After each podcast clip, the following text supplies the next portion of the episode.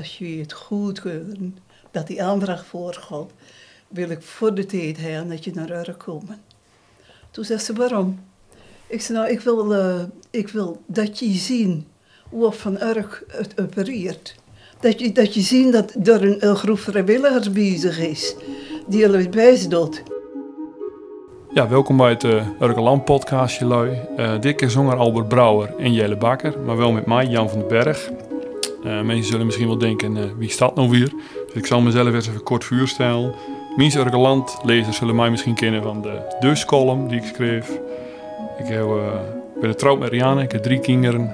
In, ik bij Solcon in Dronten, sommige mensen kennen dat ook wel. En ik ben sinds een aantal maanden vuurzitter van IC. Dat is de Interkerkelijke Stichting Ethiopen Eritrea. En op ook wel bekend als de Ethiopië Stichting of Stichting Ethiopië. En ook bekend natuurlijk van het winkeltje, zoals mensen zeggen.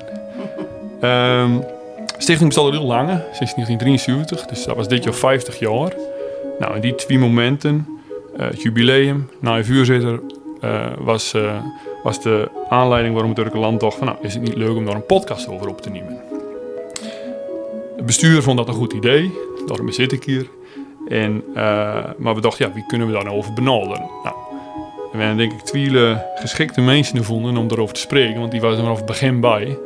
En dat binnen uh, Marij Oost en uh, Kramer, die zit natuurlijk over mij hier.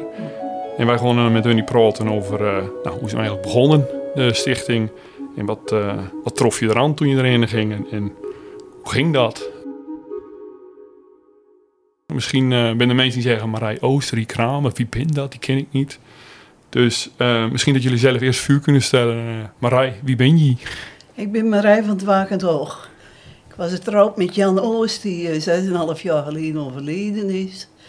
En ik ben sinds uh, het eerste begin betrokken bij de stichting. Ik heb er 30 jaar secretaris geweest. Met veel plezier. Als vrijwilliger. Punt. Ja, en Jiri? Ik heb nooit uh, getrouwd geweest, dus ik ben altijd vrijgezel geweest. Maar uh, ik heb uh, maar eens twintig jaar een evangelische boekwinkel gehad. En ik heb in het onderwezen gezeten.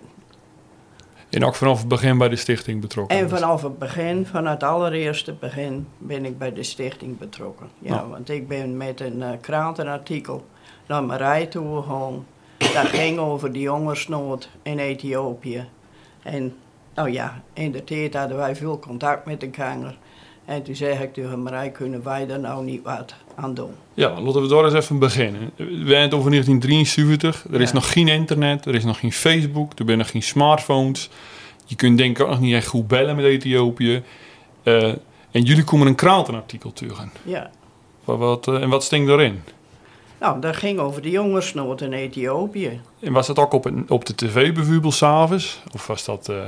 Die tv-uitzending heb ik later nog, dat uh, artikel van Rie, heb ik dat te zien. Ja. En uh, je had een Sahel-actie in die tijd, hongersnood in de Sahel. En er was een, uh, een dominee geweest, een zendeling, die was dus via Ethiopië, was, had hij gereisd van, vanaf de Sahel. En toen was hij toegekomen dat de situatie in Ethiopië nog pijnlijker was als in de Sahel. En dan gaf hij dus uh, duur op de tv. En met dat artikel van Rio, wat ik dus uh, gelezen had, hebben we dus samen plannen gemaakt. En wat uh, bracht jullie dan toen plannen te maken? Want heel veel mensen zullen dat te lezen nou, in oorteel. Omdat jullie hadden zoiets, wij moeten iets doen. Ja, nou ja, ik bedoel, maar jullie lazen daarover mezen duizenden mensen die hongersnood lijden. Nou, dan moest je toch wat doen. Ja. Dan kon je toch niet stil blijven zitten. En wat gingen jullie toen doen? Hoe ging dat? Ik denk dat wij ons uh, eerst voorbereid hebben. Ik kan me nog herinneren dat Rie zei, uh, het is vast een tijd voor ons. Wij moeten uh, ons voorbereiden op die, op die tocht. En dat hebben we ook gedaan. We hebben veel lezen erover. We hebben ons voorbereid. We hebben veel bidden, ook met groepen wel. Ja. ja. En we hebben ons goed voorbereid. En ik denk dat dat ook nodig is. Ja. Want het is een, een land dat ken je niet, mensen die ken je niet. En het heeft voorbereiding nodig. Dus daar hebben we eerst een tijdje voor uh, de tijd voor nemen. Het tweede is dat we dus uh, eh, naar organisaties in Nederland te gaan binnen, de hulporganisaties, om te kijken van wat, waar zitten die mee bezig en wat kunnen ze ons bijbrengen, eventueel wat wij het beste kunnen doen. Het is zo dat je ja, eigenlijk uh, het vreemd tegenover stond. En ja, wat is de beste manier om te werken? Nou, het bleek dus dat er uh, hulporganisaties wel in Ethiopië werkzaam waren, maar in zuiden van het land, terwijl dus de hongersnood in het noorden was. Toen heb ik een adres gekregen via mensen in nood in Den Bosch. En die hebben mij het adres gegeven van een organisatie in Ethiopië die pas opgericht was. Dat was een organisatie van de gezamenlijke kerken. De kerken hadden uh, vooral zendingskerken die in Ethiopië werkzaam waren. Niet in de buurt hoor, niet in het noorden, maar in het zuiden. Die hadden gezegd, wij sturen onze mensen naar het noorden, want daar is op het ogenblik de grootste nood. En dat moet hulp bij worden. Nou, daar hadden we het adres van. En een uh, telefoonnummer. En dat hebben we gebeld. Om eens te kijken van hoe of die erop reageert. Dan ze twee uh, ja, bevleugende dames langs zouden komen om de zaak te, ter plekke te bekijken. En met mensen ter plekke, vooral op, op zendingsgebied, te kijken wat kunnen we doen en wie kun je verantwoordelijk maken. Want het is wel zo, je kunt in Nederland alles doen, maar je moet een verantwoordelijke mensen op de plek hebben. Die de situatie kennen en die ook weten hoe moet het vervolgd worden. En dat kunnen we wel die hele reizen kunnen komen. Ja, en dan, eh, dan gaan we naar de reizen dus toe. Dus er komt een bepaald moment na de vuurbereiding dat jullie zeggen... nou, we stappen op een vliegtuig.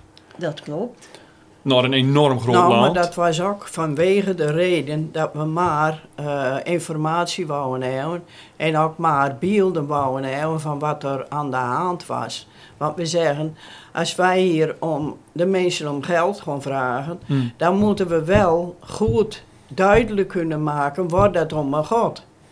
Ja, Daar moeten we wel beelden van hebben en daar moeten we wel ook een goede organisatie hebben via wie wij dat geld kwijt kunnen. ja, En vandaar, en omdat we daar eigenlijk geen goed contact mee konden krijgen, vandaar dat wij er ene gaan binnen. ja. Dat was Om ook in het land zelf, daar dus met eigen proberen- ogen te zien Ja, hoe dat ging. en Ja. ook om daar de contacten dus te Ja. zoeken. Ja. En hoe ging dat? Je stappen in een vliegtuig, je stappen uit Nou, de Ja, andere dat moesten we wel allemaal zelf toen bekostigen. Hè? want Dat hebben we toen zelf wel bekostigd. Ja, Want je kon dat moeilijk... eh er was geen stichting was nog. geen stichting nog. Nee. Nee, dus dat kostte ons wel wat. Maar wij vonden toch dat we dat doen moesten. Ja. En gingen jullie met z'n tweeën of gingen jullie met met eh, mensen in nood op pad? Jullie Nee, gingen echt met z'n tweeën? Echt met z'n Twee Ja. vrouwen in het Urk, Ja. die stappen op een vliegtuig. 8000 kilometer verderop stappen ze uit. Nou, ik heb op dat vliegtuig nog maar een paar eh, dingen neergezet. We vertrekken dus op 22 november 1973 vertrekken we. Via Londen kunnen we overstappen op een vliegtuig naar Ethiopië, Addis Ababa. En we hadden gedacht dat we alles in kan en kruiken hadden. Dichte mis boven Engeland. We kunnen niet eh, landen in Londen. En we moeten naar een ander vliegveld uitwijken. En daar zouden we dus een naaivlucht moeten plannen naar Addis Ababa. Maar dat was nog niet zo makkelijk. Want we hoorden dat het onmogelijk was. En dat we terug moesten vliegen naar Amsterdam. En de volgende week het nogmaals mogen proberen. Iedere hulp, onmogelijk. Van Bali tot Bali. En geen ene die ons helpen kon. Nou, ik ging erin zitten en ik zei, dit is een zeutje, want dit, dit redden wij gewoon niet. Je kunt het rogen. Toen kwam er een eh, buitenlander naast ons zitten. Een man uit India. En die had wel in de gaten dat wij tegen een kanger ja, waren. Wat moeten we nou? Toen zegt hij, wat is er aan de hand? Hij sprak Engels. Wat is er aan de hand? Ik zei, nou ja, wij moeten terug naar Nederland en volgende week weer proberen. Dat binnen dubbele kosten in. Wat moeten we nou? Hij zegt, ik ga wel even naar die balie voor. Ik ken die mensen wel, ik praat wel even met ze. Dus hij vluchtte naar die balie toe. En hij stinkt te deb- debelieren met die mensen. Met een vrouwtje. Nou, ik kwam hoofdschuddend terug. Hij zegt, dit wordt hem niet. Want ze luistert niet en ze kan het niet. Ik zei, nou ja, wat moeten we nou? Toen zegt hij, eh, loop maar achter mij aan. Pak je les koffers maar, loop achter mij aan. Ik heb een heel klein, uh, klein reisbureautje. Ik kan niet zoveel, maar ik wil bellen voor jullie. Of ik misschien toch een maatschappij kan vinden die jullie helpt. Nou, wij achter hem aan, stokken lopen, zware koffers. En ja hoor, hij was bij een klein boerderijtje, bij een klein uh, kantoortje. En ik dacht in het begin, want we liepen een, uh, een markt heen. Hij wil van ons af. Mm. Dat was mijn slechte mm. gedachte. Hij wil van ons af. Maar het was niet zo. Hij begon te bellen. En hij belde nog een keer en nog een keer. En ja hoor, hij kreeg het voor een kanger. Toen heb ik bij mezelf gedacht, hoe kan het? Hoe kan het? Dit is het eerste wonder wat gebeurt. Hij was de reddende engel die ja. gezonden was. Ja. Hoe kan het? Hij kan, hoe kan het? En toen zegt hij, ik bel wel met CRDE, geef het mijn nummer maar. Ik zal ze bellen dat jullie later komen en dat ze bij het vliegtuig staan om jullie op te halen. En dat heeft hij ook gedaan. Zo? Maar met een halve dag vertraging kwamen we dus in Addis Ababa. En we vertrokken dus naar de kantoor van CRDE. Er was een onderhand, ik denk van een stuk of 15 zendingsorganisaties in Karken bij een kamer. Met een vertegenwoordiger, was een stichting gevormd. Die dus die hele hulpverlening onderluid goed hadden nemen. Want anders doet iedereen wat. Ja. En dan komt ook nog niet bij de mensen terecht. Ze zaten bezig met de eerste hulpverlening. Um, ze hadden uh, in ieder geval wat vracht, uh, uit Duitsland hadden ze gekregen. Ze hadden wat vrachtwagens hadden ze bij een kanger. En we hebben dus uh, de eerste gesprekken doorgevoerd met Kevin Doheny. Dat was een, uh, een Ierse broeder. En een zeer beminnelijke man die dus uh, ons aan alle kanten hulpen heeft. Die sprak ook de tol? En die, die, die was al jaren in Ethiopië. En die sprak uh, Amhaar en hij sprak perfect Engels. Ja.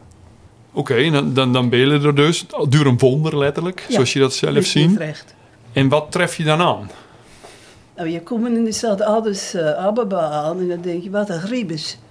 Verschrikkelijk. Allemaal bedelaars en hmm. van alles. Uh, kinderen op straat die je aanklampen en mensen die uh, en is, een griebes was dat. In onze ogen toe. Maar we wisten niet wat er komen zou. Want dat was nog veel erger natuurlijk. Ja. Enfin, we hoorden dus van die gezamenlijke uh, organisaties dat ze dus uh, met een voedseltransport, wat net binnengekomen was, en wat hulpverleners zouden ze dus naar Dessie. Dat was het eerste ja. hongerskamp. Het bleek dus langs die weg, had je toch of honger, hongerskampen waar ze dus de mensen bij een kanger houden in de dorpen. Vaak in, nou ja, in, in, in shelter al, fabrieken overal, wat, wat ruimte was, hadden ze. En waar ze dus uh, in de regel één dokter hadden. Tja. En nou, waar de mensen crepeerden. Ontzettend veel doden, doden in grote kampen. Ja, dat er in die kampen kwamen. Nou, toen namen we zo'n smee naar die tenten, dat weet je nog wel. En dan uh, wezen ze ons aan. S ochtends gingen ze, die mensen die sliepen daar, gingen ze langers in de voelde of ze koud of warm was. Hm. Dus zo verschrikkelijk was die hongersnood daar. Hm. Dat binnen de dingen, die zitten nog steeds in mijn hoofd. Als ik aan Ethiopië denk, dan denk ik vaak aan die kampen en aan die mensen die daar lagen. Ja. En voel je je dan niet machteloos? Dat je denkt, wat kunnen wij hier betekenen? Of, of heb je zoiets van, dit geeft me juist maar moed om iets te gaan doen hier voor die nou, mensen? Ja, kijk, dat, dat was dus uh, onze bedoeling. Dat wij echt die mensen helpen wouden. Ja. ja. ja. Maar hoe gaat dat dan? Wat begin je? Zuvenkampen, grote kampen, enorm groot land. Hoe pak je dat aan? Nou, ik uh, wou nog eventjes terugkomen op dat voedseltransport, waar we mee, mee gingen. Ja dat waren een stuk of zeven, acht uh, hulpverleners die dus naar kamp Dessie moesten. Kamp Dessie was het eerste kamp vanaf Adus waar dus de vluchtelingen opgevangen worden. En Toen vroegen ze ons, ja, hoe gooi je nou verder dan? Nou, dan zit je nou in vliegtuig in je economie. Hoe gooi je nou in het land zelf verder? Nou, ik zeg, uh, we, wij hebben misschien uh, wel een lokale bus en we zien het wel. Toen zei ze een lokale bus en dan gaan jullie dus uh, tot aan het noorden toe om te kijken wat jullie doen kunnen in die kampen met de mensen. ze lachten er dood. Een, lokale bus, daar kun je nooit op rekenen, zeggen ze. Dat wordt niks, dat wordt niks. En hoe gooi je dan van Dessie af naar je hotelletje toe? Nou, ik zei, er hebben wij een vervoer voor, jullie misschien een plekje. Nou, dat hadden ze niet en ze lachten er blauw. Ik zeg, de Heer is al voorzien. Enfin, we stapten uit. En toen komt er een grote landrover langs rijden. Die dacht ook mensen mee te moeten nemen. Maar jullie hadden vervoer en wij niet, dus die man stopte. Hij zegt, kan ik jullie ergens heen brengen? Ik zeg, dat in dat hotelletje is voor ons geboekt. Als dat mag, heel graag. Nou, die nam ons mee. En wij zaten aan de koffie en jullie moesten nog komen. En toen dachten wij... Ik noem dit ook een wonder, of ja, niet? Ja, dat was een, echt... En dan kom je dus... Uh, kamp Dessie was het eerste kamp wat we dus uh, bezochten. 1200 vluchtelingen. Het kamp was gevestigd uh, in een oude Italiaans ziekenhuis. Gammele barakken. Een tijdelijke keuken op, opgetrokken van golfplaten. Tyfus, longontsteking. Een klein kliniekje hadden ze. Met ogen één dokter, zei je net. Eén dokter. Op 1200 ja, mensen. 1200 mensen. De hulpverlener die er was, die dus zorgde dat mensen eten kregen, ze hadden een paar uh, lokale kokinnen. Maar die uh, was gevraagd om van het zuiden, dat was in Nederland, van het zuiden naar het noorden te gaan om dwars een hulp te geven. En verder hadden ze geen, geen hulp daar. En kijk, doordat je die contacten legde, wist hij weer te vertellen dat de volgende dag een transport ging naar een andere plekken. Dus wij hebben eerst in Dessie hebben gekeken van, wat kunnen we hier doen? Welke plannen binnen dan voor de toekomst? Hoe konden ze met wieskingen noemen, die ze dus hier hebben? Wat ze, ja, welke hulp kunnen ze daar aan verlenen? En de bepaling die dus die uh, hulpverlening erbij gaf, zeg, uh, was dat er is een kind, dat is een wees, weeskind, die zit hier in de kamp. En die heeft nog een, een grootmoeder in Alimata. En als jullie uh, het accepteren dat je op, dat op die vrachtauto gewoon eigenlijk de hoed over dat kind en je moet proberen die grootmoeder te vinden in Alimata en dan kunnen jullie mee. Nou, Alimata was 200 kilometer van Dessie, dus dat leek niet zoveel. Een, een, een weg met stenen en met grote gaten. Rivieren die droog lagen met zonder een druppel water. Als je te toegelaten had gekregen, dan knarste het stof tussen je tanden. En het kind was zo blij dat die kruip zo dicht mogelijk tegen ons aan. Dus die hadden wij onder ons wilde. We vertrokken om zes uur, 200 kilometer rijden, zei ik al. Zeven uur rijden. Hm. Dus je vindt langs de weg overal herdertjes van een jaar of zes, zeven. Kingeren. Kingeren, met enkele geiten. Op zoek naar een stukje gras. En des te hoger het landschap wordt, des te dunner wordt de begroeiing. En bij, bij Alimates vinden we geen gras, maar het is kool. Kolen, gele valleien. Dus we zitten echt in het hongersnoodgebied. Ja, droog. Nou, dan moet dus de chauffeur moet dus uh, lossen. Hij heeft een vrachtwagen vol met dekens en met mais. Dat verdeeld moet worden onder de diverse kampbewoners. En ondertussen kunnen wij het kamp bekijken proberen we enkel hel helpers te spreken. En we willen weten wat hun plannen voor de toekomst zijn. Maar de mensen zijn nog met het heden bezig en hebben nog niet gedacht over de toekomst. Het heden heeft zoveel problemen dat je aan de toekomst eigenlijk niet kunnen denken. En ik ben gezocht om die grootmoeder van dat mooie. Ja. En die is later door de kampmensen gevonden. Dus Die Die, is bij haar grootmoeder terechtgekomen. gelukkig. Vader en moeder was een overleden. Dat is, en dat is het tweede kamp. En dan zit je eigenlijk midden in het hongersnoodgebied. Ja, nou in, het, eh, in Alimata zitten dus 1300 vluchtelingen. De ernstig zieken die hebben onderdak in de fabriek. En we zijn die fabriek in de best. We gemarrelde mensen, die kijken hier met grote ogen aan. En je kunt er niks voor doen, zoals reëel zijn. Je, je, je bent op zoek naar goede, goede ideeën voor de toekomst, voor de mensen die eh, mannen bijvoorbeeld gestorven zijn. Kinderen, weeskinderen die dus meer hebben. En wat eh buiten zitten wachten, dat is een hele grote groep. Maar voor hun is geen plaats binnen.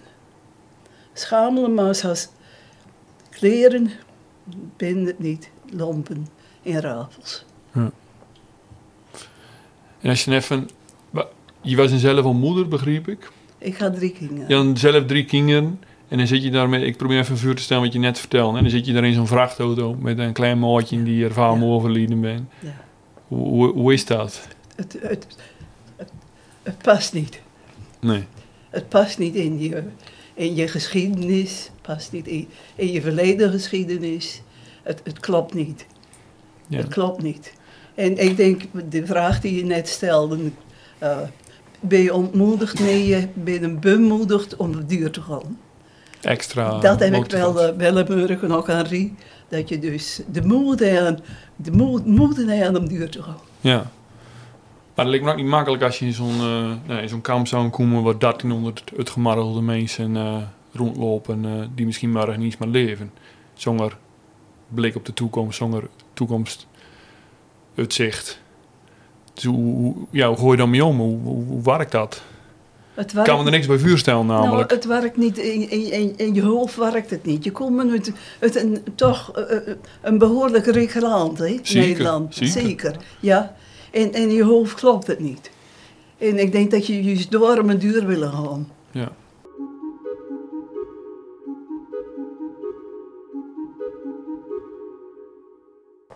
Maar ver- vertel verder, hoe ging dat dan? Eh, wat je, Nou, we begonnen naar de volgende kamp met die eh, vrachtwagen. van Dessie naar Alimata en gaan we Dan naar naar Kobo. Kobo. Dat is een eh, lokaal hotelletje. Heel klein, oud en smerig. We kregen een kleine tweepersoonskamer. Een klein bed voor ons beiden. En we starten met het inspuiten van de, het bedden.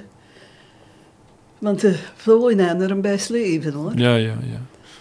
En als je op een bed gaat liggen, ligt het wel de bult van een, eh, een, een, een, een, bottige koe. Ja, Maar wij lopen, dat hebben we lopen te doen naar de kamp van Kobo. Hier huizen 376 mensen binnen, plus 800 mensen buiten. Geen plekken. ze wouden er maar eh, naar binnen dan dat er... eh, Ja, dat zijn de ernstige zieken. zo. En eh, Een soort concentratiekamp eigenlijk, maar met dit verschil, de mensen worden beurt nou in plaats van binnen nou. er is geen plekken voor. Ja, ja. En kijk, wat mij aansprak, eigenlijk toegeval, ook daar geen exacte plannen voor een vervolg. Eh, ook hulpverleners waar ze gewoon te neergesloten. Hm. Ja, maar dat is wat ik... eh, Jullie zitten een soort te vertellen en ik kan me er, ik kan me er zo... Ik, eh, ik denk echt van, wat, weet je wel, ik kan me niet voorstellen hoe het is. En jullie zijn er middenin zitten. En ik probeer me dan te bedenken, hoe zou ik reageren? Maar ik denk echt van, eh, dat ik een beetje moedeloos zou worden. Als je al dat soort ellende om je heen ziet. Nou, je, je, je zit hem bezig in je kop, in je hoofd, voor de hulpverlening hè? Ja, ja, Ja. en voor de toekomst. ja. Dat is het verschil. Deze mensen, die hulpverleners, zitten met het heden bezig. ja, Hoe voelt je ze vandaag? Wat moet je ze geven? Kijk, die hulpverlening was nog maar net op gang gekomen. Eh, vooral het, het transportvliegtuig, wat dus met dekens en met eh, voeding kwam. Ja, daar binnen ze dan blij mee. ja, Maar denken aan de toekomst was er nog niet. ja. En, de- En en, wij vroegen ons af natuurlijk van wat kunnen wij doen? ja, Ja, naar de toekomst toe. naar de toekomst toe. Oké. Dus jullie zijn dan in Kobo bij? Ja. Klein hotelletje. En dan gaan we verder met de lokale bus. En we zoeken in een ander plek, in dat we 100 kilometer verderop, in Borghesa, een hongerkamp waar een wiezus zijn. En daar hebben ze wiezus met 60 wieskinderen. In een donker smerenhok zitten die kinderen, de hele dag. Ze mogen dus uh, binnen blijven en ze mogen er slapen. En het typische was dat buiten, ik, ik hou dat van een uh, reisverslag wat ik uh, nog had, nog kreeg. Wat ik maakte door. Ze kregen dus weinig hulp. Ook die wieskinderen hadden overdag eigenlijk niks te doen. En die leiding was niet bij die wieskinderen aanwezig.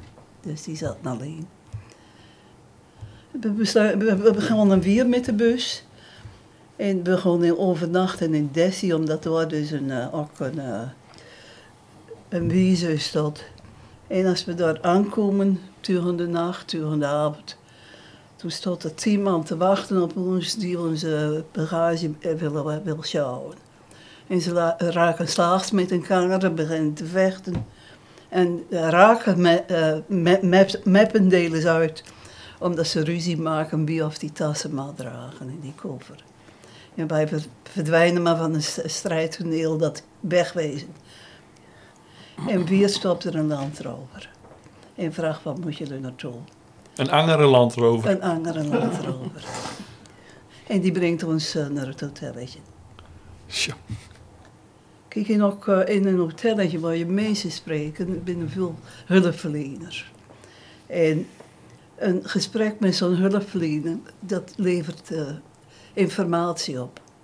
En daar kun je wat mee. Daar moet je ook wat mee. Kijk, die, die zitten dus in die kampen en Ja. die weten wat er los is. En eh, in dat gesprek met die hulpverlener, de, de verlener, dat was een eh, supervisor van een school, die werkte voor community development. En het levert altijd wat op en het leverde ons de volgende dag een rit op naar het volgende kamp. In Bargeza uh, moesten we wezen. En we kregen een ritje mee van een vrachtvliegtuig van de Duitse luchtmacht. Die zijn vracht mais vanuit Assab naar het hongergebied moet brengen. Oké. En dan moet lossen. En dan werd er overgehaald naar Addis Ababa. Om te tanken. En dan weer moet laden in Assab. Constant de hele week Ja. vlucht vliegtuig. Iedere dag drie, drie keer naar, van Addis naar Hargeisa om zijn vracht te lossen. Een half uurtje eh, met het vliegtuig in, dan overbrug je dus eh, 400 kilometer. Terwijl over 200 kilometer dingen bij 7 uur. Ja. Ja, dus dat was eh, winst. Goede winst voor ons. En dan gaan we de volgende dag naar het kantoor, want dan binnen bij Addis. Dan gaan we een gesprek aan met CADE, met die eh, hulpverleners uit het hele land, om te kijken wat hun adviezen voor de toekomst binnen. En ik mis nog één kamp waar we zijn, en dat is. Ja, die, ja, ja. Dat, dat was tussen eh Cabo en Vargeza. En in eh Waldia, dat was een klein ziekenhuisje. Dat was een van de weinige ziekenhuisjes op de grote weg naar het noorden, naar Mekalla toe. En als je dan nagaat dat je van Dessie naar Mekalla is zo'n krap duizend kilometer, had je dus een, een uh, ziekenhuisje van de Mekane Jezuskerk, van de Lutherse kerk. Duizend kilometer. Duizend kilometer. En er was dus een, eh, een dokter, een Amerikaanse dokter, dokter Hagens, Hagensen. Die was dus uh, benoemd in het ziekenhuis. En die was van Amerika daar naartoe gegaan. En die had daar een half jaar gewerkt dat wij kwamen. En daarvoor was het twee jaar geen dokter geweest. Hm. Dus ook wat dat betreft was er uh, heel weinig medische hulp. Maar die dokter Hakensen, die had wel maar in zijn uh, visie voor de toekomst. Veel Ja. maar. Ja. Die had dus in zijn ziekenhuis in een uh, afdeling, in klein, waar dus bijvoorbeeld een wezensgroep in zat. En die zei, ja, eh, het, mijn ziekenhuis is te klein om dus al het patiënten op te vangen die bijvoorbeeld hulp nodig hebben, die dus niet in die kampen hulp kunnen krijgen, maar die echt medische hulp nodig hebben. En die moet ik dus opvangen, maar ik al een, een, een, klein gedeelte waar de weeskinderen in zitten. Hij zegt, in, ik heb het volgende probleem, dat in de kampen zitten dus ontzettend veel moeders, waarvan de man overleden is, Mm. maar de kindertjes nog leven. Kijk, een vrouw alleen kan eigenlijk niet terug naar dat platteland om daar weer een leven op te bouwen, zonder man. En er zal wat gebeuren moeten. Maar hoe weet ik niet. Want kijk, wij zijn van de medische kant en wij kunnen heel weinig eh, fondsen mis- missen om daar ook nog wat aan Ja. te doen. Dus Aha. we zouden wat kunnen proberen te huren voorlopig. Maar er moet dus ook een sociale cons- constructie bestaan. Dat er voor die kinderen nu zorg wordt. Dat ze kunnen naar de school kunnen. Dat er een moeder is. Al is dat dan maar een, eh, een moeder waarvan de kinderen nog leven. Maar dat er een paar kinderen bij kunnen. Zodat ze dus ook in een gezinsstructuur min of meer leven. En niet buiten de maatschappij komen te staan. Maar er zal dan een visus voor gebouwd moeten worden. Aha. Dus eh, die man had daar een visie op. Ja. En toen hadden jullie zoiets van, hé, hey, hier kunnen wij misschien. Ik, eh, ik had er eh, alle hoop op dat dat dus inderdaad een mogelijkheid zou wezen Ja. om mee verder te gaan. Ja. Nou, we hebben eh, een, een, nou, er een weekend duren. Een paar nachten hebben we bij Huurlui geslapen. Bij de Hakensens. We zijn met alleen naar de kerk geweest. Eh, we veel, veel zingen. Het was een uh, juurdienst. Veel zingen door de jeugd. En de dokter zelf gaf toen een, eh, een lezing, een bibellezing over eh, het aandoen van de wapenrusting. De wapenrusting. Ik denk ook altijd, Die voelde niet op bemoedigd duur. ja, Die was ook als strijders. ja, Geestelijke strijders. als doelbestrijders. Ja. Eh, We moeten, Want ondertussen eh, ben jullie nou ongeveer een week, schat ik in, door dan? Zitten we? iets maar. iets maar een Iets week, maar. ja. Ik ben er, eh, totaal krap drie weken Ja, dus dit is de eerste week nog maar eigenlijk. Zo, Dit- dit zo- is de eerste week. Ja. Ja. We ontmoeten, ik ga nog even terug naar Cabo. Daar ontmoeten we dus een, eh, in het hotelletje. eh, komt een uh, herbergier achter ons aan vliegen en die zegt, die legt ook een zuster van heel ziek. Ik zeg, nou, een zuster ziek? Ik heb hier geen zusters. Maar ja, hij, eh, hij nou moest mee aan onze armen moesten kijken. En ja hoor, er lag een, eh, een Franse, Franse zuster lager. Die had een maand in dat ziekenhuis werkt, of in het kampen werkt. Totaal uit de put. Ziek. Kon haar hoofd niet oplichten. Had al jaren gewerkt in eh, Vietnam. Hm. En was dus nou uitgestuurd eh, naar het eh, noorden van Ethiopië. Nou, wij hebben wat gevoerd en hebben wat met haar gepraat. Ze praat ook goed Engels. Frans was wat moeilijker, maar Engels ging goed. En ze kon haar hoofd niet op, opleggen zoals ik was. Maar in ieder geval, ze moesten de volgende dag moesten naar een ziekenhuis. Nou, dat was ook nog wel een probleem, want het ziekenhuis zat vol. Ze moesten de andere kant op. Er was geen ambulance, er was geen vervoer. Ze moest met de lokale bus. En s ochtends om een uur of zeven ben ik heen gegaan om te kijken hoe op het had. Was nog erg ziek. Ik heb gevoerd met een bolletje en eh, wat thee. En ik heb eh, wachten met de reetossen dus in, het, eh, in de lokale drogen is. En ik kom er nog op te rogen, want we er in Addis weer ontmoet. Nou, ik ben benieuwd. Ja. nou, en dan zijn we eigenlijk terug in, eh, in Addis weer. Ja. En daar hebben we dus gesprekken op met CADE. Uitwisseling van gedachten van, ja... We, zijn een beginnende stichting, een beginnen Toen had je al het idee dat het een stichting moest worden? Dan was ja, dat, toen, dat was, maar. dat was, waarom, Zonder- waarom, was dat, waarom stond het zo vast voor jullie dat Nou, een kijk, stichting moest worden? We hadden natuurlijk een, een, een einde reis door het land zelf heen. Je hadden door de kampen, je hadden door de hongersnood. Maar je hadden dus ook eh, zicht op hoe de mensen leefden door. En dat was gewoon beschamend. Dus eh, het was niet alleen om te kijken naar de hongerkampen, wat we door konden doen, maar ook wat je kon betekenen in het land zelf. Ja, en om dat structureel te kunnen doen, heb je een stichting nodig, zeg je eigenlijk. Oh, Ja, om, eh, kijk, je moet het niet voor één keer doen. Mhm. En ik had ook niet gedacht dat het voor 50, 50 jaar zou worden. Maar ik eh, heb nou de gedachte dat het nog wel eens 60 jaar kan worden, of 70 of 80. Ja, dat, eh, het is nog niet voorbij, de, de, de hulpbehoefte daar eh, op Nee, dit moment. Maar je zegt, hè, je moet niet voor één keer doen, je moet het voor eh, langere termijn doen. Dus Nou, moet je een stichting Kijk, je moet een. kijk, noodhulp is goed. En daar kan ik erg veel over vertellen. Ik bedoel, bij een- de nood.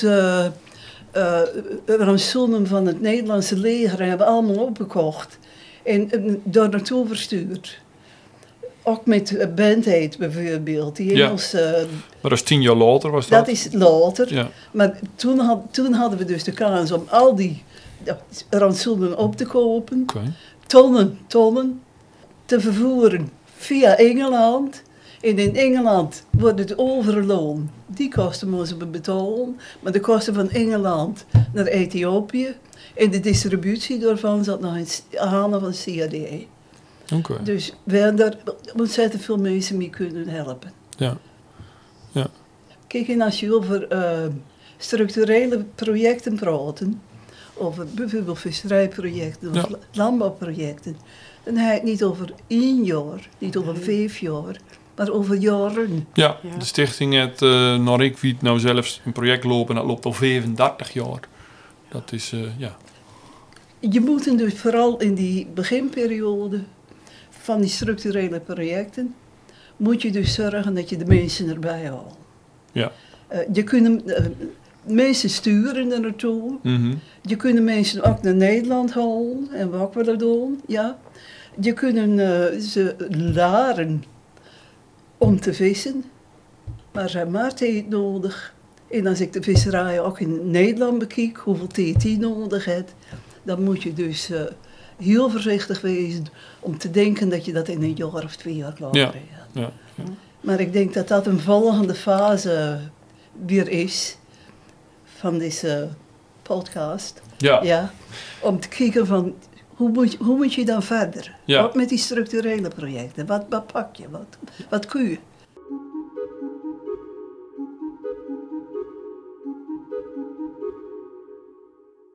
Hoe kom je tot, tot fondswerving? Wat, wat gebeurt daar? Eh, hoe kun je dus de, het publiek in, in, eh, op erg, maar ook in Nederland, hoe kun je die bewust maken van de situatie zoals die is in Ethiopië? Eh, hoe kun je ze enthousiast maken? Kijk, Mhm. daar zit een verschil in, hè? Tussen bewustwording en enthousiasme, daar zit een verschil in. En hoe kun je op lange duur het, er toch met een kan voor zorgen dat je dus eh, een organisatie kunt vormen van een stichting die dus toch verder, verder kan. En niet alleen op werk, maar ook buiten werk. ja, want een bulp mensen weten dat misschien niet. En dat is wel goed om even toe te lichten. ja. De stichting IC heeft ook uh, buiten verschillende werkgroepen die ook geld inzamelen. Ja. Eh, ja, als ik nou gewoon neem, dan sla ik vast een paar over. Maar Culemborg is bijvoorbeeld een bekende. Klopt. En zo zijn er nog een aantal. Er zijn ook mensen die aan bazaars verkopen. eh, doen dan allerlei dingen om geld in te zamelen. Wat ook op de rekening van de stichting komt. En wat uiteindelijk ook dan weer zijn plek vindt in Ethiopië of Eritrea. Ja. Zeker. Kijk, ik heb veel momenten van die eh, eerste reis in uh, Riesel beamen. Heb ik dus uh, ook in mijn verdere leven als wonderen ervaren. Ja, dat is eigenlijk echt wel een thema wat je Jen Ja, al een paar ja. opneemt. Ja, Dat is echt de sturing en leiding wat je, wat je eigenlijk beschreven. Uh, tenminste, Ja. ervaar ik dat, zoals je zeggen. kijk, voor het opzetten van de je, heb je mensen daar nodig. Ja. Ja, maar hij had me- mensen hier nodig. Mensen die je werk hier sturen, die het ondersteunen en die er ook verder mee gaan. En als ik je neem hoeveel mensen er met hulpverlening, die eerste hulpverlening bezig geweest zijn, met het eh, zoeken van kleding, het brengen van kleding naar werk, het sorteren van kleding. De dames op werk die dus al die, sorti Ja. die sortering dingen, dan denk ik, dat, dat, is, dat is voor mij een wonder. Want er zijn nog mensen die het doen. Nou ja, als ik... Als je nou in de winkel komt en ik kan iedereen uitnodigen, kom eens even in Ja. de winkel bij Tesla in wijk 4. Het is een wonder. Wat Ja, je toch. ziet wat daar binnenkomt en eh, wat daar eh, ook eh, weer uitgaat, hè, dus omgezet wordt, dat is ongelooflijk. Kijk, en toen dus de Ethiopische regering begon met invoerrechten op de kleding, Ja, is er gezegd, jongens, die, wij spekken die Ethiopische regering op deze manier niet. Wij willen dus in de hulpverlening wat doen, maar niet dat zullen met de winsten in de arbeid van de mensen hier beurspekken, dat willen we niet. Toen hebben we die kledingsacties toch min of meer wat over, overluwd. ja want nou, eh daar zeg je wat, en eh, dat weet ik dan al. Vroeger had je al de zakken voor Ethiopië. Ja, En dat is, ik begreep nou eigenlijk het jong vooral dat dat is gestopt omdat er importheffing op kwam. Ja, ja. Aha. Kijk, je moet het wel eh, ook met je, met je, met je verstand moet je, moet je proberen te, te werken. Ja, En toen hebben we dus eh, die kledingverkoop hebben we dus eh stimuleerd. En we in Addis Ababa hebben we dus, en daar kom ik zo direct nog op, hebben we dus een eh, project gestart met een zuster Senkenes. dat Ja. is wat ik net op doelde. Ja, Die, dat met- loopt al 35 jaar. Met zuster Senkenes. En Ja, die ja. is begonnen dus met de containers die wij volle loon hebben met voedsel en met kleding. Om die dus te vragen, mag ik die gebruiken? Want daar wil ik mijn sociale centrum van bouwen. Ik doe er een raam in, ik doe er een deur in, ik maak er een vloer in. En dat is, eh, zo heeft ze tien containers heeft ze daar neergezet. Bij een lepraziekenhuis, bij Alert. En die had dus eh, een heel sociaal centrum daarin gericht. En een deel van dat centrum is dus een naaiatelier geworden. Waar, de, waar met eh, HIV die aids Hmm. hadden, Hm. Een, een boom konden krijgen. Ja. Met een naaiatelier. Ja, Waar ze dus eerst les in hadden en toen eh karige boterham in konden verdienen. ja. En dat, dat loopt ook dat jaren. loopt nog steeds. Dat loopt nog steeds. Ja, Dus ik bedoel, dan moet je dus ook eh, met mensen door, moet je plannen maken van ja, wat kan er dan? ja dat is heel belangrijk. eh, Wat de stichting ook de, het moet een laren, naar ik begreep. Dat is van, je moet er niet denken, oh, we geven even wat geld en dan holen we weer. Absoluut. Je moet zorgen dat je mensen lokaal vinden, die, die weten hoe het zit, die het probleem begrepen. En die ook een idee hebben of een project om nou ja, geld in te stoppen om zeg maar iets langdurigs neer te zetten. Want je, gooit, je wilt niet in een put gooien, een bodemloze put. Zeker niet, maar zeker die zuster Schrenkenes is toch wel een heel goed voorbeeld van. Ja, absoluut. ja. Eh, ik kreeg dus eh, op een bepaald moment, eh, had ik er ontmoet in BCD-mal. Want kijk, Ethiopië was een, een land waar dus in 74 hongersnood was. Maar waar door de jaren heen een hongersnood bleven is. Ja. Dan praat ik over de Ogaden. Ik praat over het noorden van Ethiopië. Waar dus een, hongers, waar dus een eh, oorlog woedde. Nou, oorlog en hongersnood gaat altijd samen. Ja. Dat is verschrikkelijk. ja, maar wij zitten hier nou in december 2023 en er is weer, nou ja, je kunt eigenlijk wel spreken van een oorlog op dit moment eh gewonnen. Ja. Eh, en daar hoor je niks van op het Nijs. Je ziet er niks van. Nee. Bij een andere oorlog en die bij ons op het Nijs komen. Maar er is een bultloos op dit moment daar. Dus Ik, je kunt eigenlijk verwachten dat de hongersnood zit er rap achteraan misschien wel. Ja, vaak wel hoor. Ja. Maar die zuster is een slimme vrouw hoor. Mhm. Een hele slimme vrouw. Die heeft eh, in BCD maar heb ik haar ontmoet in de Ogaden. En daar had ze dus ook uh, lepra-patiënten nummer één. En ze hadden zo verschrikkelijke druk. Dus ze hadden eigenlijk geen tijd voor, eh, voor mij, voor ons. Want ze had zoveel patiënten en zoveel sociaal werk. Dat was voor ding. Toen hebben ze er op een bepaald moment teruggehaald naar Addis Ababa. Via de kerk. Simon in eh, Addis Ababa sociaal werk voor het uh, wat daar gesticht is. Dan moet je nagaan, mensen van hongergebieden die kwamen dus lopend van Dessie naar Addis. Dagen, maanden, ja. Zochten het ziekenhuis op. Het ziekenhuis probeerde er wat aan te doen. Als ze zo ver waren dat ze het ziekenhuis mogen, dan vestigden ze zich om dat ziekenhuis heen. Ja. Er zit een groot dorp, vol met arme mensen. vol met lepra-patiënten. Die eigenlijk niet terug kunnen naar hun eigen eh, gebied maar. En ze is begonnen dus om daar eh, in, om dat ziekenhuis heen de mensen dus eh, te helpen. Ja, Kijk, en te helpen, ik zeg helpen. Maar ze helpt mensen met lepra, die dus min of maar van de lepra genezen binnen, maar wel een neus eraf, of een Ja. hand eraf, of een been eraf, noem maar op. Om titularen ook anderen te helpen. ja, Dus ze wonen er in lekke hutjes. Dan zegt ze, je kunt wel eh, wat materiaal krijgen voor de reparatie. Maar als je nog een plek in over hebt voor een andere lepra-patiënt die een zwerver is, moet je hem ook helpen. Dat is de voorwaarde die ze stelt, dan moet je hem ook helpen. ja, En zo, eh, zo probeert ze dat. Dat het niet alleen sociaal werk is, maar ook naaste werk. Ja. En dat vind ik het mooiste, eigenlijk, eh, wat ik ooit zien heb. Dat je dus de mogelijkheden die ze hebt, ook benut om nog verder, nog over die eigen grenzen heen te kijken. Dat vind ik een hele, hele goeie. En eh, hoe binnen wij aan huren komen, ik kreeg een, een telefoontje van een vrouw uit Deventer. En die zegt, eh, mijn man die werkt in het Leperen ziekenhuis. Ik ben er ook geweest. En eh, ik heb uh, zuster Senkenes ontmoet. Maar dit waren dus Nederlanders? de Nederlanders. Maar die wisten jullie te vinden omdat je toen al een stichting had? ja, of Jan al bekend? Ja, Ik kom ja. op die stichting nog even Ja, terug. Eh, en ik wil dus in Deventer wil ik dus een, eh, een punt maken waar ik goed inzamel enzovoort enzovoort.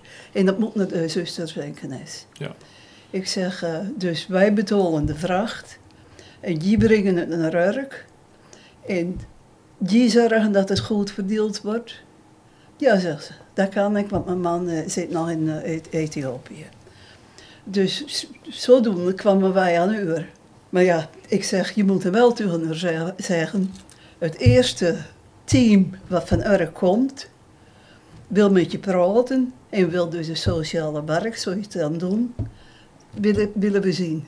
Er zit altijd een bezoek aan vast. Maar dat staat altijd bij andere projecten ook. Als we dus met kleding bijvoorbeeld eh, een organisatie sturen, gingen we ook op bezoek om te kijken. En ik denk dat die controle, eh, toch een, een, een, ertussen te houden, dat dat goed is. Ook voor de contact met de kamer. Maar dat is wat we nou ook nog steeds proberen te doen. Ja, hè? Eh, contact met een kamer, dat, dat is ook opgebouwd eigenlijk voor de stichting. Nou, daar was het vooral nog niet meer af, want dat ik er zo de volgende keer kwam.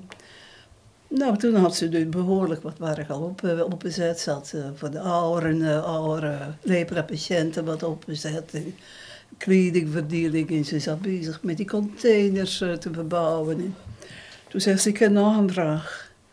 Ik zeg, ik was er al bang voor. Ze zegt, we hebben hier twee scholen. En het ene schooltje, nou ja, dat kan dan nog, maar de andere school is zo lekker als een, als een zeven. En als het de regenperiode is, worden de studenten naar huis gestuurd. Is een middelbare school. En er moet wat gebeuren, want ik bedoel, deze mensen moeten hulp worden. En, en vooral als je dus uh, met middelbare scholieren die je dus op willen laten zit, die, die patiënt die dus uh, kinderen binnen van uh, deze patiënten, dan moeten we met, met elkaar wat doen. Ik zei, ja, maar wij zijn een kleine stichting en een vrijwilligersstichting, dan kun je toch, toch geen school meer bouwen, dat kan niet. Een school met 2000 kinderen, Zo. dat kan niet. Oh, ze zegt, maar ik heb al contacten. Ze zegt, uh, ik zei, nou, wel, welke contacten je dan? Nou, ze zegt, uh, met de ambassadeur van uh, Engeland. Oh. Ik zeg haar, uh, nou, dan moet je die maar bijhouden. Die wil ik spreken. Laat hem maar zeggen wanneer of ik kan. Ik uh, ben nog een paar dagen uh, ben ik, was ik die reizen in Aldus. Dat hij maar komen, dus hij kwam. En ik, ik leidde hem naar vuur. Ik zei, nou, dat kunnen wij uh, als stichting kunnen we dat niet. Dat is voor een vuist te hoog, vuist te groot, vuist te varen. Hij zegt, maar wij als EEG kunnen wel aan bepaalde donoren fondsen geven voor een dergelijk project. Oh, Oké. Okay. Mits ze zelf ook wat doen. Ja, ja, ja, ja. Nou, toen zei ik tegen zei, nou dat is prima. Ik zei, maar u legt de contacten met de EEG. Dat doe ik niet. U legt de contacten met de EEG. En u, u, u eh, geeft maar aan wat of de bedoeling van u is. En eh, zeg, eh, zeg maar tevens de EEG dat ik best een keertje wil komen naar Brussel. Maar dat ze eerst vragen moeten of, of het kan. Nou, en ja hoor. Ik was een maand op, eh, op werk weer en dan kreeg ik een brief van de EEG. Ik word uitgenodigd door me- mevrouw Teufel. Maar dat had zijn naam niet meer hoor. Nee, Teufel? Teufel. Bedussen. Oké. De duivel. Ja. Nou, ik ging erheen. Ik, ik had mensen bij me. En ik, eh, ik vertelde dus over de stichting. Ik vertelde over onze zendingen erin. Ik vertelde dus over de hulpverlening. En nou ja, het liep er wel wat. Ik zei, nou, er is één bepaling bij. Als je dus eh, een aanvraag indienen bij de EEG, als je het goedkeuren, dat die aanvraag voorgaat, wil ik voor de tijd hebben dat je naar Urk komt. Toen zegt ze, waarom? Ik zei, nou, ik wil, eh, ik wil dat je zien of Van Urk het opereert. Dat, dat wil ik zien. Dat je, dat je ziet dat er een, groep vrijwilligers bezig is, die er best doet. En dat de hulpverlening in Ethiopië mogelijk is. Door die hulpverleners. Dus ik heb haar laten, eh, ik heb, ze kwam. Ik heb haar laten thee drinken met die dames die inpakten. Ik heb contact, contacten gelegd met het toenmalige bestuur wat er al was. Eh, de verzendingen hebben ze, bekeken. Wat er op me mogelijk was, heeft ze zien. En wij kregen uh, toestemming. Mooi. Dat is de fondsen voor die bouw in Ethiopië, voor die school klaar was. Is het de Mario school geworden? Of, Nee, nee, gelukkig niet. Gelukkig niet. Dat mijn, dat mijn naam niet gebruiken. Nee, gelukkig niet. Maar in ieder geval, die school is gebouwd. Ja. En ik ben erg trots, want het Ethiopische aannemer heeft hem gebouwd. Wij hebben de tafeltjes gestuurd van de school, die is, eh, zijn zijn tafeltjes stoel Ja. graag er naartoe wou sturen. Kregen na een. De goedkeuring is gekomen, ook de goedkeuring op de uitgaven is gekomen. De school staat er en ik ben er één keer geweest om te kijken. Ja. Ja, kijk en dan denk je, een wonder, ja, nog weer een wonder. Ja. Ja. een wonder. Kijk, en als je dus nagaan, dat eh, als wij heen gaan, ik ben nog drie, vier, drieënhalf jaar geleden geweest, eh, dan slapen wij in de containers bij die zuster. Containers die we zelf stuurden. Ja. Ja. We zien dus het, het werk van die zuster. En dan denk ik, wat een zegen. Mhm. ja. Dat is zeker. Ja.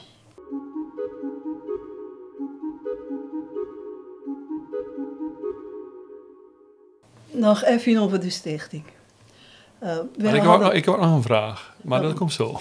wij hadden dus eh, verschillende werkgroepen met hele verschillende mensen. Eh, hoogopgeleide mensen en ook gewone huisvrouwen. En we hebben gezegd, we moeten eigenlijk die stichtingen draaien. Ja. We moeten niet alleen op werk opereren, maar we begonnen dus onze brein. Ook onze stichtingbestuur besteedt dus het meeste. Stoer, eh, met zijn vrouwen, mevrouw Nelis uit Heerenveen. Een, eh, een dokter, een, een, een, dokter uit eh, Groningen met zijn vrouwen. We vergaderen altijd in Heerenveen om het centraal te houden. En ik heb dus ervaren dat met, met dat stichtingbestuur zoals we toen hadden, heel ver konden komen. Die mensen hadden eens relaties. Was een relaties, we begonnen toen met visserij, een rela- een relatie met botenbouwers. Ja. Neem het maar op, ik, ik kan het allemaal niet meer benoemen, zoveel is er gebeurd. En ik ben blij dat we ook die periode hadden, ja. want het was goed. Ja. Dat was goed. Die zuster die je een bolletje aan de geven. Die zou, ik- die zou ik je nog een keer... Ja. eh, ik kreeg een... eh, bij CRDA kregen ze een, eh, een telefoontje voor ons. Dat was zuster Brigitte die belde uit Addis Ababa. Die werkte dus in de, in de buurten van de Addis Ababa die als het slecht bekend steken. En die werkte samen met die zuster Jacqueline die wij ontmoet hadden. Dan praat ik natuurlijk 14 dagen uh, nadat ik haar ontmoet had. Ja. Maar die zuster Brigitte, Bri- Brigitte, die zegt, ze is op het ogenblik in Addis en ze wil jullie ontmoeten. Ik zei, we komen. Dus we gingen naar haar toe. Nou ja, ze was nog ziek. Ze had eh, in het ziekenhuis liggen een, een paar weken. Ze was weer wat opgeknapt. En zuster Brigitte was een, eh, een stoere, vriendelijke, ook liep wel een, een Hollandse boerinne. Ja, Hollands welvaren, ja, ja. immer ja, lachen. ja. En we hebben dus die zuster Jacqueline hebben we nog weer ontmoet. In Addis Ababa. ja. En dan denk ik, hoe kan het dat hij voor elkaar kreeg om CRDA te bellen om ons eh, erbij te halen? ja. ja. Sturing zeggen we dan. Mag ik nog één, één, één wondertje nemen? Dat is, dat is echt Absoluut. voor mij, echt, dat is één wonder. Die, die, die, die wil ik de mensen niet onthouden. Was een Urker vrouw, die is getrouwd met een meester Miedema. Ze was een westerning. En die kwam dus altijd eh, in het wakende oog, kwam ze er goed brengen. Want ze had nog familie op Urk. En dan zei ik gewoon even zitten. Het is eh, fijn dat je er bent. Gewoon even praten. Nou, dat ding ze altijd wel. Altijd een, een kopje koffie en een praatje. Maar ik kwam dus een keer uit Ethiopië. Eigenlijk met eh, de bokkenpruik op. Ik word vroeger bij een, eh, een familie. En die man en vrouw hadden drie kinderen. En ze was hartpatiënt. En ze moest nu een hartoperatie hebben. Mm. Dat kon niet gebeuren in Ethiopië. En ze was ontzettend eh, ziek, ziek. Altijd. Dus die man die vroeg, kunnen jullie nog geen uh, actie ondernemen voor mevrouw voor een hartoperatie? Ik zei, jongen, dat hebben wij niet in ons, eh, onze statuten staan. Wij zitten voor organisaties bezig Ja. voor groepen. Dat kan niet. Dezelfde dag had ik een gesprek met de minister van Visserij, ex-minister van Visserij. Nou. En die vroeg, mijn broer is eh, 21 jaar, hartpatiënt, moet een open hartoperatie hebben. Ik zei, "Wat is- ik vind het erg jammer, kan niet. Ik zei, toen zei ze tegen mij dat ik thuis was. Toen kwamen ze. Toen zei ze, waar ben je? Ben je in de contramine? Ik zei, nou, ik zal aardig zeggen, ik zit eh, met die twee mensen in mijn Ja. magen. Ik zei, dat is niet goed. En dan denk ik, hoe kan dat nou? We leven in zo'n welvarend land, wat moet ik er nou mee aan? Toen zei ze, je hoeft niet in de contramine te zitten. Ik zei, wat nou dan? Ze zegt, ik heb een uh, schoonzoon, die is eh, dokter in een ziekenhuis. En die is promoveerd, want die is hartchirurg geworden. ik zei, dat doe waarom? Ja, ze zegt, maar die is eh, vorige week promoveerd. En toen hebben de mensen eh, van de ziekenhuizen vroegen, wat wil jij? En, die heeft gezegd, ik wil twee mensen uit, uit Afrika wil ik opereren. Met een hartoperatie. Nou, ik zei, dat doe je om. Dat kan niet. Toen zei ze, ik, ik zit toch niet te liegen? ik zeg, eh, het is een gebed wat ik heb. Wil je nou gewoon, of wij al geen toezeggingen doen net aan mensen, Ja, om te. Ze zegt, ik kom vanavond bij hem, ik ga met die naar hem toe en ik zal vragen. Nou, wie schetst me in verbazing, s'avonds word ik gebeld door hem. Hij zegt, stuur die mensen maar. Tja. Stuur die mensen maar.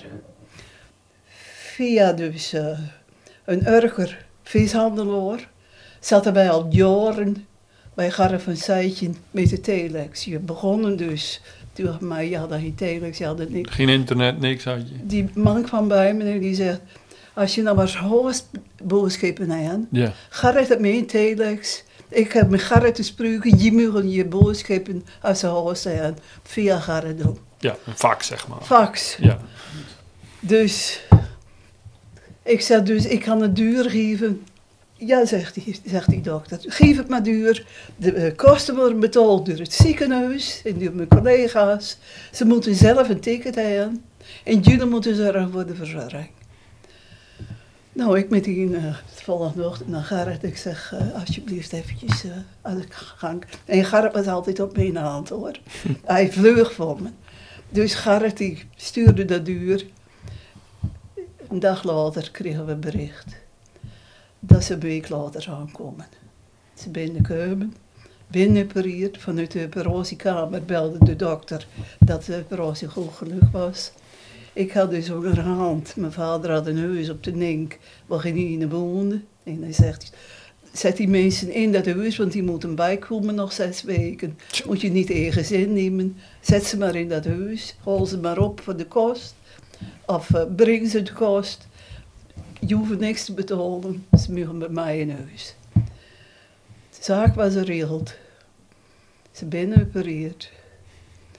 En ik moest het ver vertalen, ja, naar mijn bestuur. En ik had dus uh, Job erbij uh, bij pakken. Ja.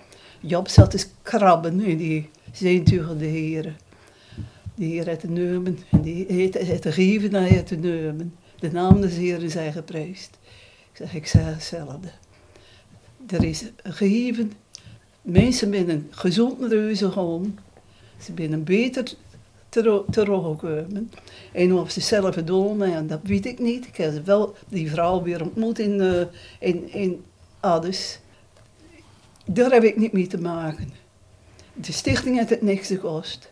En ik ben er blij, het was voor mij het godvermoed. Nou. Dus. Prachtig en de uh, Marije en uh, ja. Ja, ik, zit, uh, ik, ben helemaal uh, perplex van de verhaal jullie vertelden. En ik, ik, wist wel dat jullie een beeld aan de mier maken, maar dat er zoveel was. En dit is waarschijnlijk nog maar het topje van de ijsberg. Dat wist ik ook niet. Dus ik wil je hartstikke bedanken voor het dealen van die verhalen en allebei. En ook natuurlijk voor alles wat jullie afgelopen jaar aan het doen hebben. En ik kan alleen maar nog streven uh, dat ik een, een deal kan betekenen voor mensen wat jullie hebben betekent voor de mensen. Dus dan zetten we hier, hier een punt. Hartstikke bedankt Marije en, en Rie.